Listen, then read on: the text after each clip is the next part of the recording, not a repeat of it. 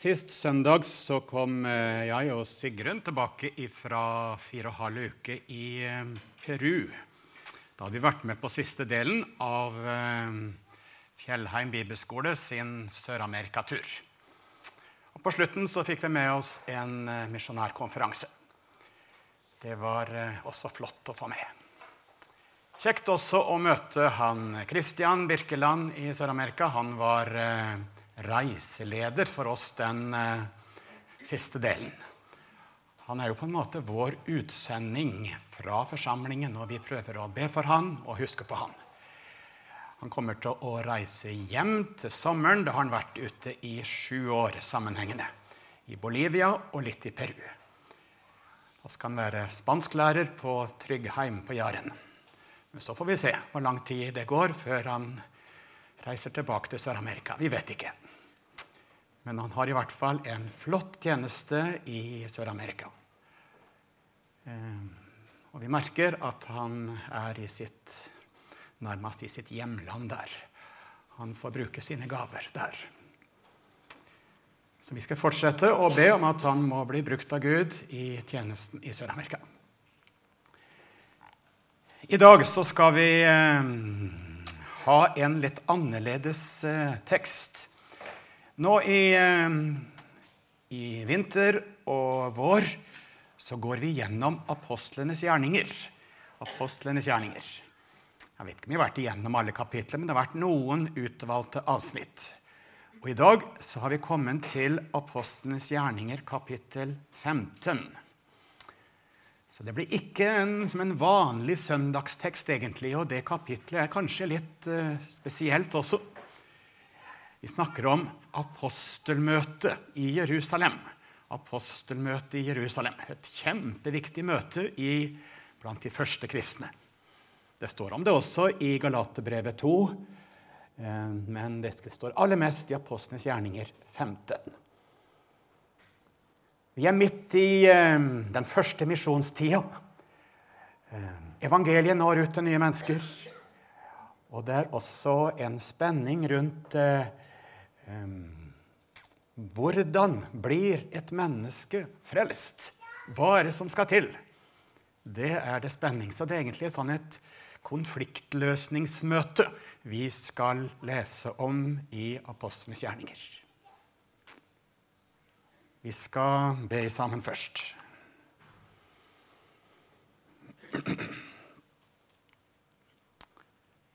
Kjære Jesus, vi ber om hjelp til å lære, til å høre, til å forstå det som du minner oss om i Bibelen.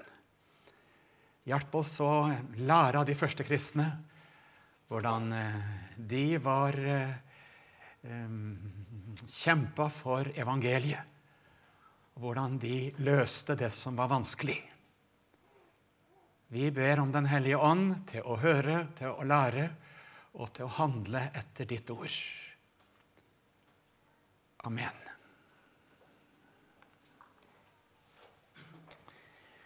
Vi skal ikke lese teksten. Jeg kommer til å fortelle fortellingen fra Apostlenes gjerninger 15. Og noen ganger så siterer vi vers fra ulike deler av kapitlet. Bakgrunnen er denne. I Apostlenes gjerninger 13 så ble Paulus og Silas, nei, Paulus og Barnabas utsendt som misjonærer. De bodde i Antiokia. Antiokia. Da er du så vidt inne i Tyrkia i dag, nord for Libanon, nord for Syria, så vidt inne i Tyrkia. Der ble Paulus og Barnabas utsendt som misjonærer. Dette var en 12-13 år etter at Jesus var stått opp fra de døde. Da ble Paulus og Barnabas utsendt som misjonærer. Med håndspåleggelse. Etter faste og bønn og Guds ord hadde minna om at disse må reise. Og så ble de bedt for med håndspåleggelse og sendt ut som de første måte, konkrete misjonærene. Det er jo bakgrunnen også for at vi har håndspåleggelse forbønn når vi sender ut våre misjonærer. ønsker jeg liksom å, å, å følge det samme forbildet her. Nå hadde de vært på den første misjonsreisa. Og så var de kommet tilbake til eh, menigheten sin. De hadde vært på Kypros og drevet misjon. De hadde vært rundt omkring i Tyrkia, i Lille-Asia og drevet misjon. Og de hadde opplevd ganske mye fint. Det var en god del jøder i synagogene som hadde tatt imot Jesus som Messias. For de starta jo alltid der. Reis kom til en by, begynte, gikk inn i jødenes synagoge, der de allerede kjente Guds ord. Og så begynte de å forkynne, utlegge og forklare. Og så var det en del der som tok imot evangeliet. Men det var andre i disse synagogene som protesterte og var motstandere. Og Noen ganger så møtte de kraftig motstand. En gang på den første misjonsreisa står det at de, de ble steina. Så det var ikke så spøk. De ble kasta stein på for at noen ville drepe dem.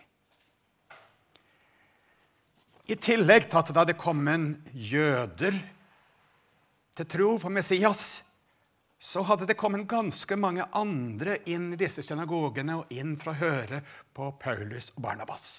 Noen steder kom det mange hedninger, ikke-jøder.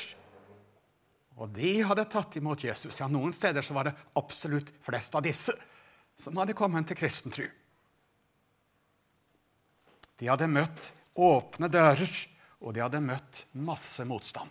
Sånn var det på den første misjonsreisa. Nå har de kommet tilbake til menigheten sin, Antiokia. Og så står det i slutten av kapittel 14, vers 27. De samla menigheten og fortalte om alt det Gud hadde gjort ved dem, og at han hadde åpna troens dør for hedningene. Det er sånn vi har det. Det er sånn det er med misjon. De kommer tilbake og forteller hva som har skjedd, forteller ting de har opplevd, deler erfaringen fra misjonstjenesten. Så skjer det noe spennende, vanskelig, konfliktfylt der i menigheten i Antiokia. Hva skjer? Det kommer noen ned fra Judea, står det i kapittel 15, vers 1. Det kommer noen ned fra Judea. Judea da er du nede i Israel, og da er det antagelig høyt til fjells der, imot Jerusalem, området der. Og de er altså kommet ned imot Antiokia, lavlandet mer. Reist ganske mange mil. Og Så kom det noen ned der som lærte brødrene slik, står det lærte brødrene slik. Det kommer altså noen utenfra inn i menigheten. De har nok hørt at nå har misjonærene kommet tilbake hit. Og nå må vi ned og hjelpe dem og forklare. Og de sier det. Hvis dere ikke blir omskåret etter den skikk vi har fra Moses, kan dere ikke bli frelst. Hvis dere ikke blir omskåret etter den skikk vi har fra Moses, kan dere ikke bli frelst. Det var ganske saftige saker. Vi kaller disse menneskene judaister. Um, og hva var problemet? Jo, først var det jo mange jøder som hadde blitt kristne. Og de var omskåret. For det skal en jøde bli. Han hadde fulgt Moseloven, de hadde blitt omskåret. Og så hadde de tatt imot Jesus som Messias. Og når de ble omskåret, så ble de også forplikta på å holde Moseloven som en del av det å være en troende jøde. Men det var jo masse andre som hadde blitt kristne, som ikke var jøder. Hedninger. Og da kommer altså disse og sier de som ikke er jøder, de må også bli omskåret når de blir kristne. Det er jo da de blir Guds folk. Det er jo da de er rett kristne. Nå hadde de jo blitt kristne grekere og tyrkere og, og galatere og ulike folkeslag hadde jo blitt kristne.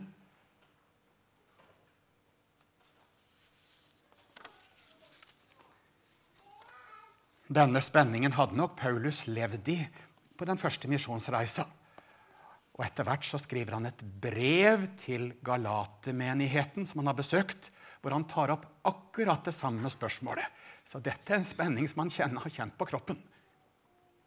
Og Han skriver et brev til galatermenigheten i den samme perioden.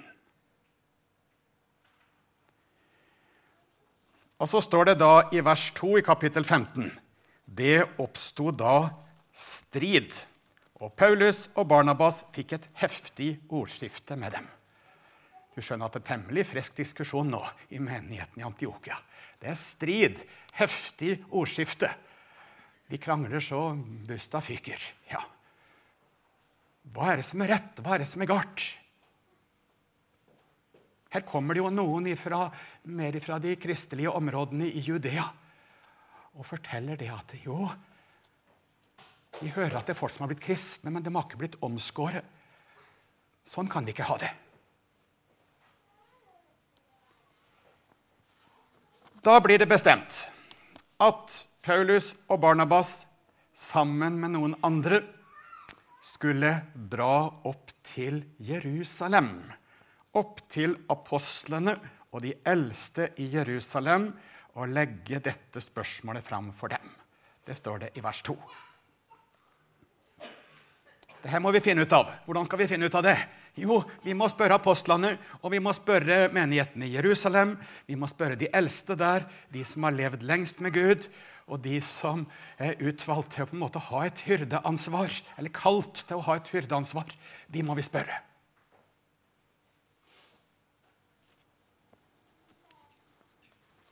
de hadde jo vært kristne i 15 år. Og her nede i Antiokia så var det jo ganske nye kristne. Så de la i vei 30-40-50 mil fra Antiokia til Jerusalem. Mange, mange, dagers vandring. Og på den veien mot Jerusalem så stikker de innom en del menigheter som er etablert langs med veien, og forteller videre om det Gud har gjort på den første misjonsreisa. Vi husker det. Den første menigheten var i Jerusalem. Pinsedag. Første menigheten der. Den hadde kanskje blitt værende der og ikke drevet så mye misjon i starten. vi vet ikke, Men så skjedde det at Gud hadde sendt en kraftig forfølgelse inn i menigheten i Jerusalem. Så I løpet av noen år så hadde masse kristne måttet flykte, og de måtte bli spredd utover både Judea og Samaria og større områder. Så Dermed så var det blitt kristne menigheter mange steder. De hadde jo fått beskjed om å drive misjon, men Gud hadde også brukt forfølgelse til å skape menigheter rundt omkring i landområdene der. Ok, Da kommer de opp til menigheten i Jerusalem. Kanskje det er den største menigheten på denne tida. Det er på en måte hovedmenigheten. Først så ser det ut som i vers 4 at de eh, kommer og snakker i hele menigheten. Da de kom til Jerusalem, ble de mottatt av menigheten og apostlene og de eldste, og de fortalte dem om alt det Gud hadde gjort ved dem. Så står det Men det reiste seg noen av fariseernes parti som hadde tatt ved troen, og de sa de må bli omskåret, og en må pålegge dem å holde Mose lov. Oi, de kom til Jerusalem og fortalte om at Gud hadde frelst mange hedninger, ikke jøder. Og så møter de akkurat samme eh, diskusjonen her, før de liksom har nesten lagt fram saken sin. For det er en del, en del mennesker, også i menigheten i Jerusalem, har blitt kristne. De hadde bakgrunn fra fariserpartiet, står det.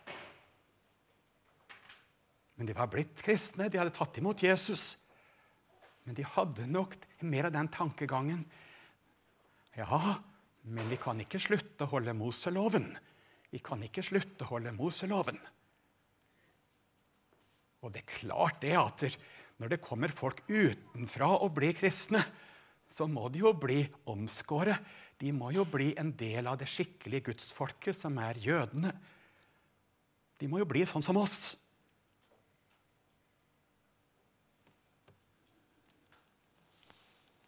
Hm, hva skal vi gjøre da? da? Da var det diskusjon også der. Og Da ser det ut som at de eh, tar en, eh, en timeout eller tar en pause.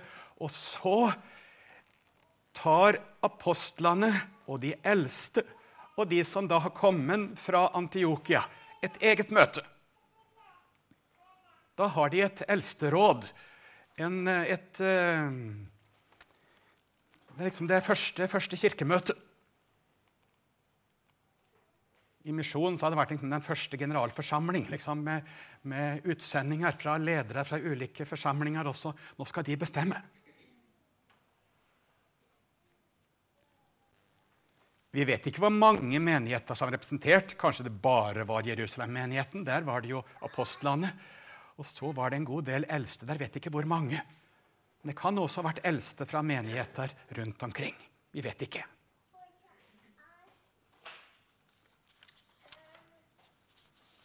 Og Da skal de møtes for å finne ut hvordan skal vi løse denne konflikten. Hva slags råd skal vi gi til nye kristne som er grekere, som er uh, tyrkere? Skal de bli omskåret som en jøde? Skal de bli pålagt å holde renhetsforskrifter, matforskrifter, Moseloven? Ja, mente jo da en del som hadde klaga. Og så må de finne ut av dette.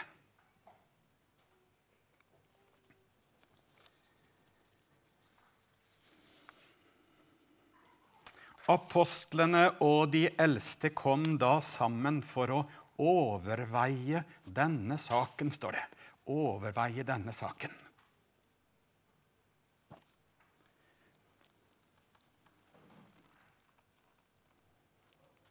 Og jammen så står det der, der, også i vers 7 da det nå oppsto et skarpt ordskifte.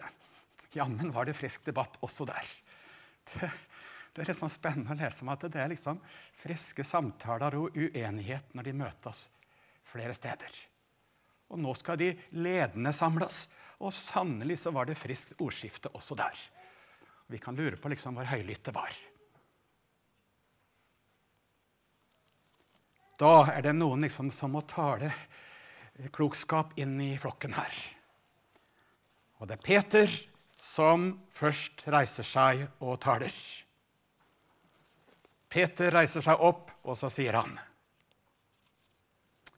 Brødre, dere vet at Gud for lenge siden utvalgte meg blant dere, så hedningene av min munn skulle høre evangeliets ord og komme til tro. Det er jo 15 år sia jeg fikk dette, dette, kallet. Jeg fikk se denne duken komme ned fra himmelen om å spise mat. Og jeg ville ikke dette. Men jeg fikk beskjed om å spise både den maten som var ren, og den som var uren. Det var noe Gud ville vise meg. Og så sier han det og Gud, som kjenner hjertene, ga dem vitnesbyrd, hedningene altså, idet han ga dem Den hellige ånd like som oss. Det hadde han opplevd. Han hadde opplevd å tale til Kornelius og hans hus, som ikke var jøder. Og så plutselig så fikk de Den hellige ånd. Guds ord slo ned i hjertene. De tok imot Jesus og fikk Den hellige ånds gave. Og de ble døpt. Og de var ikke omskåret. De var ikke jøder.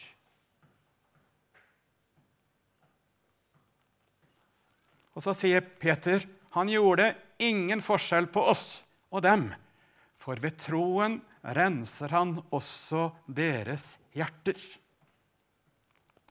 Og Så sier han da til de som nå protesterer og krever noe annet.: Hvorfor frister dere da Gud og legger et åk på disiplenes nakke, som verken våre fedre eller vi var i stand til å bære.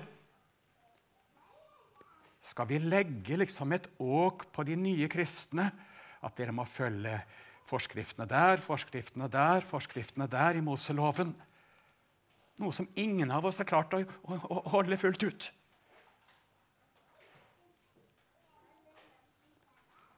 Vers 11.: Men vi tror at vi blir frelst ved Herren Jesu nåde på samme måte som de. På samme måte som de. Da tidde hele mengden. Og de hørte på Barnabas og Paulus som fortalte for store tegn og under Gud hadde gjort blant hedningene ved dem.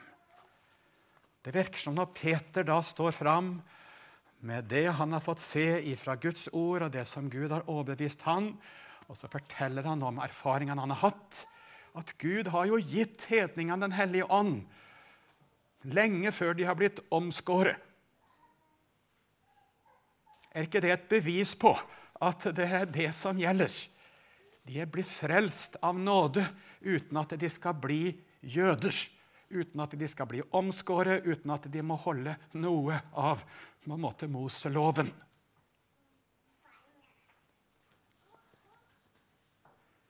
Og folket tier og lytter og skjønner at dette er sant. Og Så fortsetter de altså å høre på Paulus og Barnabas når de forteller fra sine reiser i Lilleasia, som eh, bekrefter dette budskapet. At her har jøder tatt imot de som er omskåret, og de fortsetter å, å være troende jøder, men samtidig tro på Jesus som Messias. Og så har det kommet inn masse folk utenfra som ikke blir omskåret.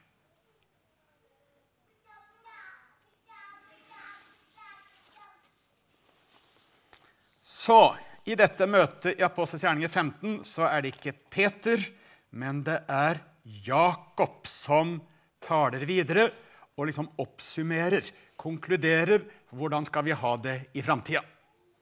I hvert fall i den nærmeste framtid. Jakob det var den kjødelige broren til Jesus. Altså Maria og Josefs sønn vet ikke helt når han ble kristen. Han var jo skeptisk til Jesus lenge. Men han har nok blitt kristen da like etter Jesu død og oppstandelse. Um, om det skjedde før eller etter pinsedag, vi vet ikke. Men Jakob han var blitt raskt en av lederne i menigheten i Jerusalem. Sannsynligvis den aller mest sentrale lederen i Jerusalem.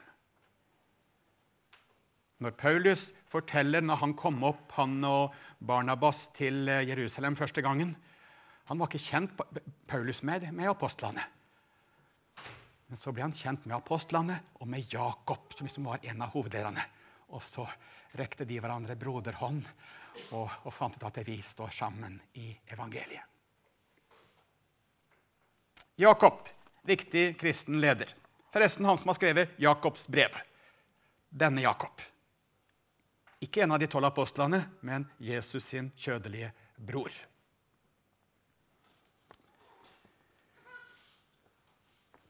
Han sier det.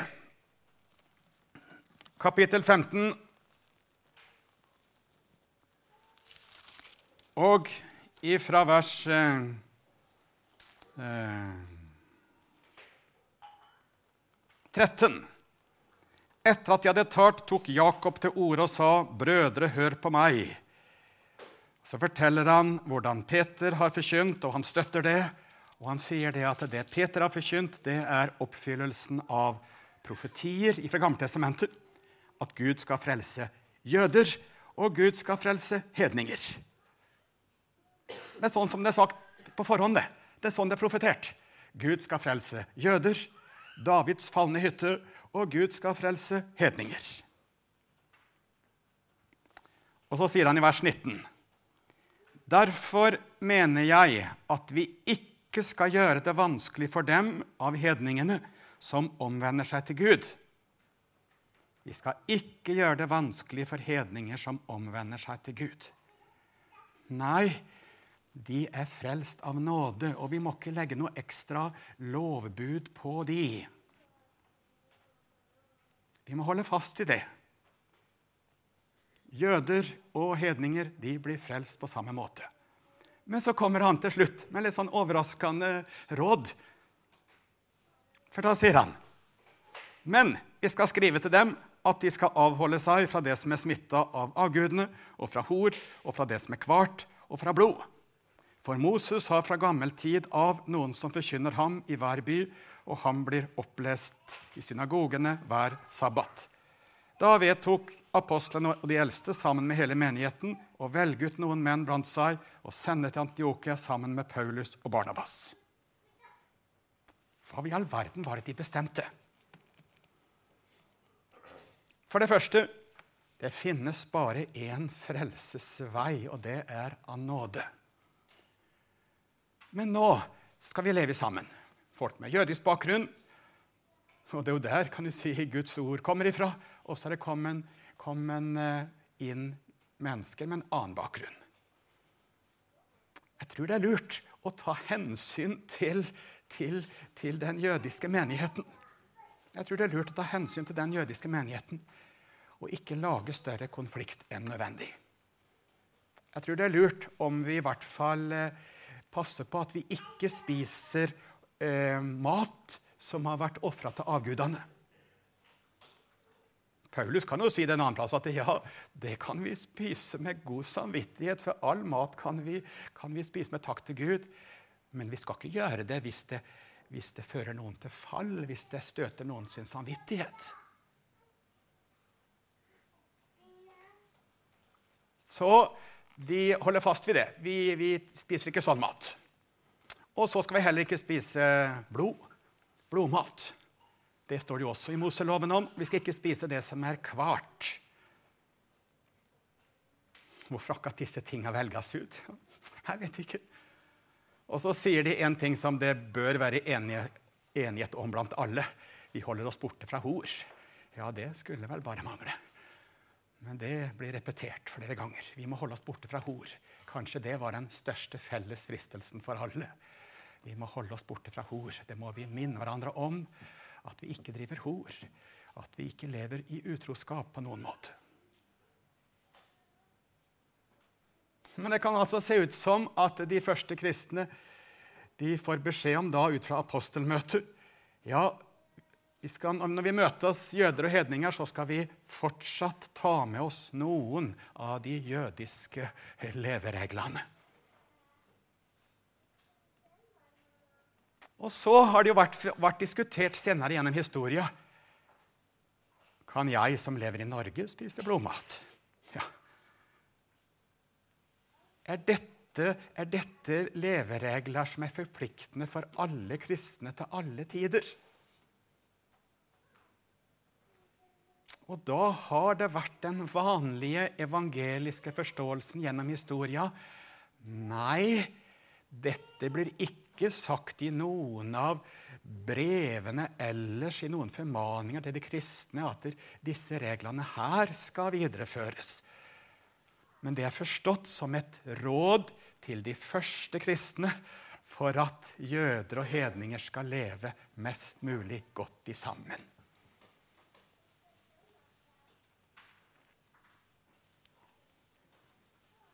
Det finnes kristne i dag som mener at ja, men vi må holde også på disse reglene. Og det, det, og det, mener de i respekt for Guds ord, så langt de forstår det. Og vi skal ha respekt for de som tenker sånn. Vi vil ikke spise det som er kvart, vi vil ikke spise blodmat osv. Noen tenker som så at dette er forpliktende for oss i dag. For det står, for det er apostlene som sa det. Men den vanlige evangeliske forståelsen har vært at dette er et råd som er gitt inn i en bestemt situasjon, og vi ser liksom situasjonen foran oss. Dette er at vi skal ta hensyn til hverandre når vi skal leve sammen fra ulike kulturer. Og da skal vi gi avkall på noe og, og, og, og ta hensyn til noe.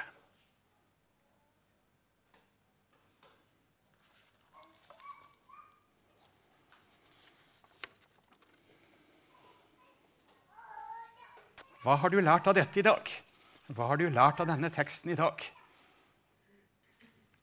Vi kunne fortsatt og lest resten av Postenes gjerninger 15. Da står det det at uh, Paulus og uh, Barnabas skulle reise ut på en ny misjonsreise. Men det ble en bitter uenighet mellom de to. Så det er vel ikke noe kapittel i Bibelen hvor det står om så mye uenighet som apostlenes gjerninger 15. Det står at Paulus og Barnabas når de skulle reise videre på andre misjonsreiser, så klarte de ikke å bli enige. For Barnabas hadde lyst til å ha med seg en god hjelper som heter Johannes Markus.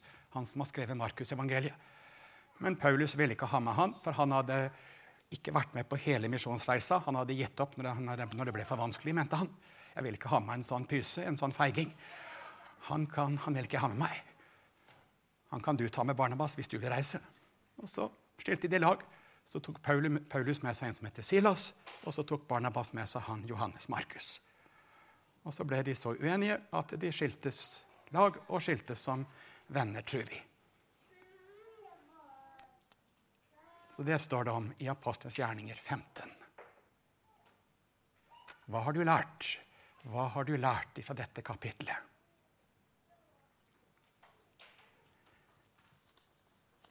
Jeg tenker Det første vi lærer om, og det blir jo repetert veldig veldig, veldig i Galaterbrevet Det finnes én sak som er viktigere enn noe annet. Hvordan blir et menneske frelst? Er det av Jesu Kristi nåde alene? Jesu forsoning, Jesu frelsesverk for oss. Jesu liv, død, oppstandelse for meg er det det som gjelder. Punktum. Eller er det noe som mennesket må gjøre, oppfylle, klare, føle, kjenne?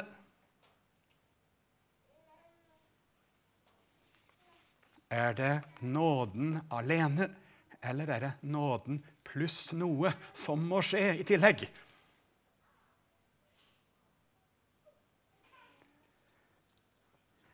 Er det min egen bestemmelse, sterke overgivelse, som gjelder? Er det det at jeg har bedt en bestemt bønn? Er det det at jeg har bekjent mine synder og fått tilsagt syndenes forlatelse på en konkret måte? Og så kan det være mange varianter. Er det det at jeg har måttet liksom oppleve og kjenne noe bestemt? Er det det at du må oppføre deg på en helt bestemt måte? Synge på en bestemt måte? Er det noe som du må være, gjøre, som er på en måte beviset på at du er frelst? Eller kan du få lov å tro det er Jesus og hans nåde. Punktum.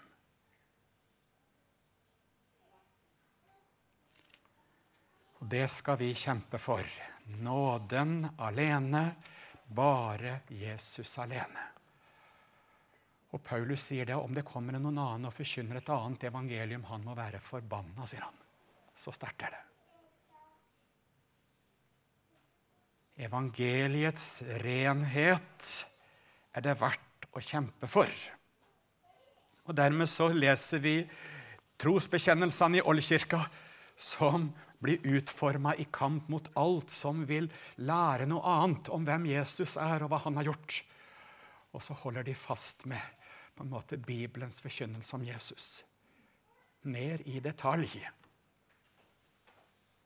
Hvem han er som sann Gud, som sant menneske. Som han må være for å være vår frelser. Altså, vi lærer i eh, denne teksta evangeliet er verdt å kjempe for. Og jeg blir frelst ved å høre at Guds ord forkynnes til meg. Og så blir jeg døpt inn i dette frelsesverket for å tilhøre Kristi menighet.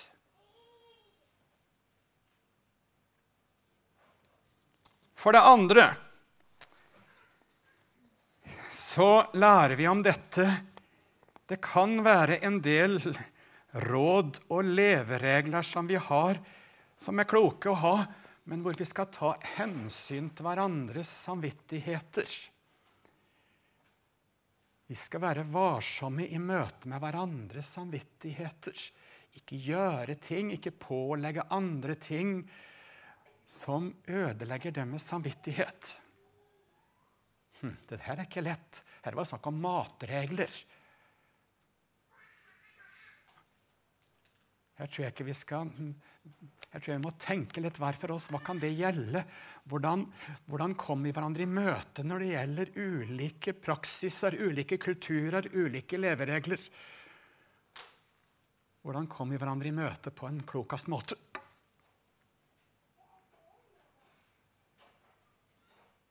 Men vi lærer av disiplene, de første kristne, at her gir de hverandre litt rom.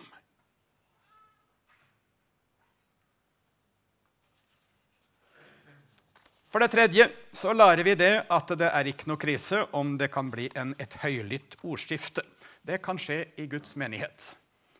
Det er ikke krise. Det går an å være rykende uenig. Og det går an å ha en, en, en frisk diskusjon.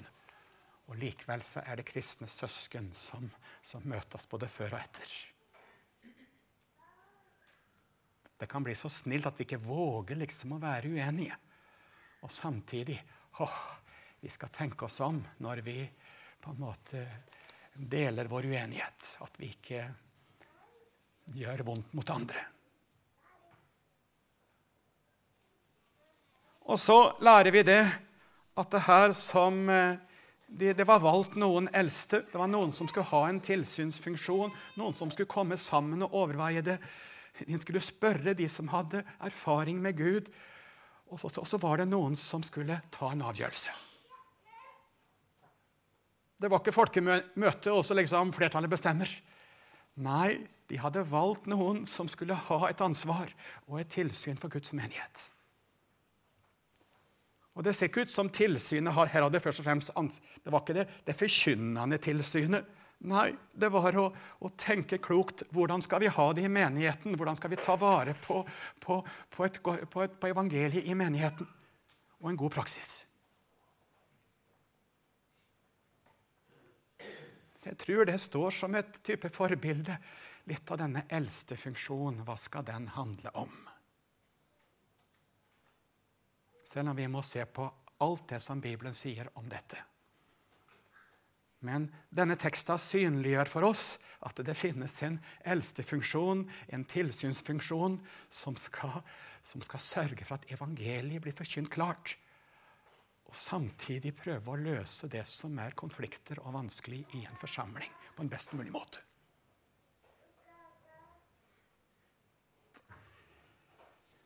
Kjære Jesus, vi takker for det vi har hørt i dag, og vi ber om å lære av det. Det er ikke så lett hvordan vi skal overføre det inn i vår egen sammenheng. Det må du hjelpe oss til.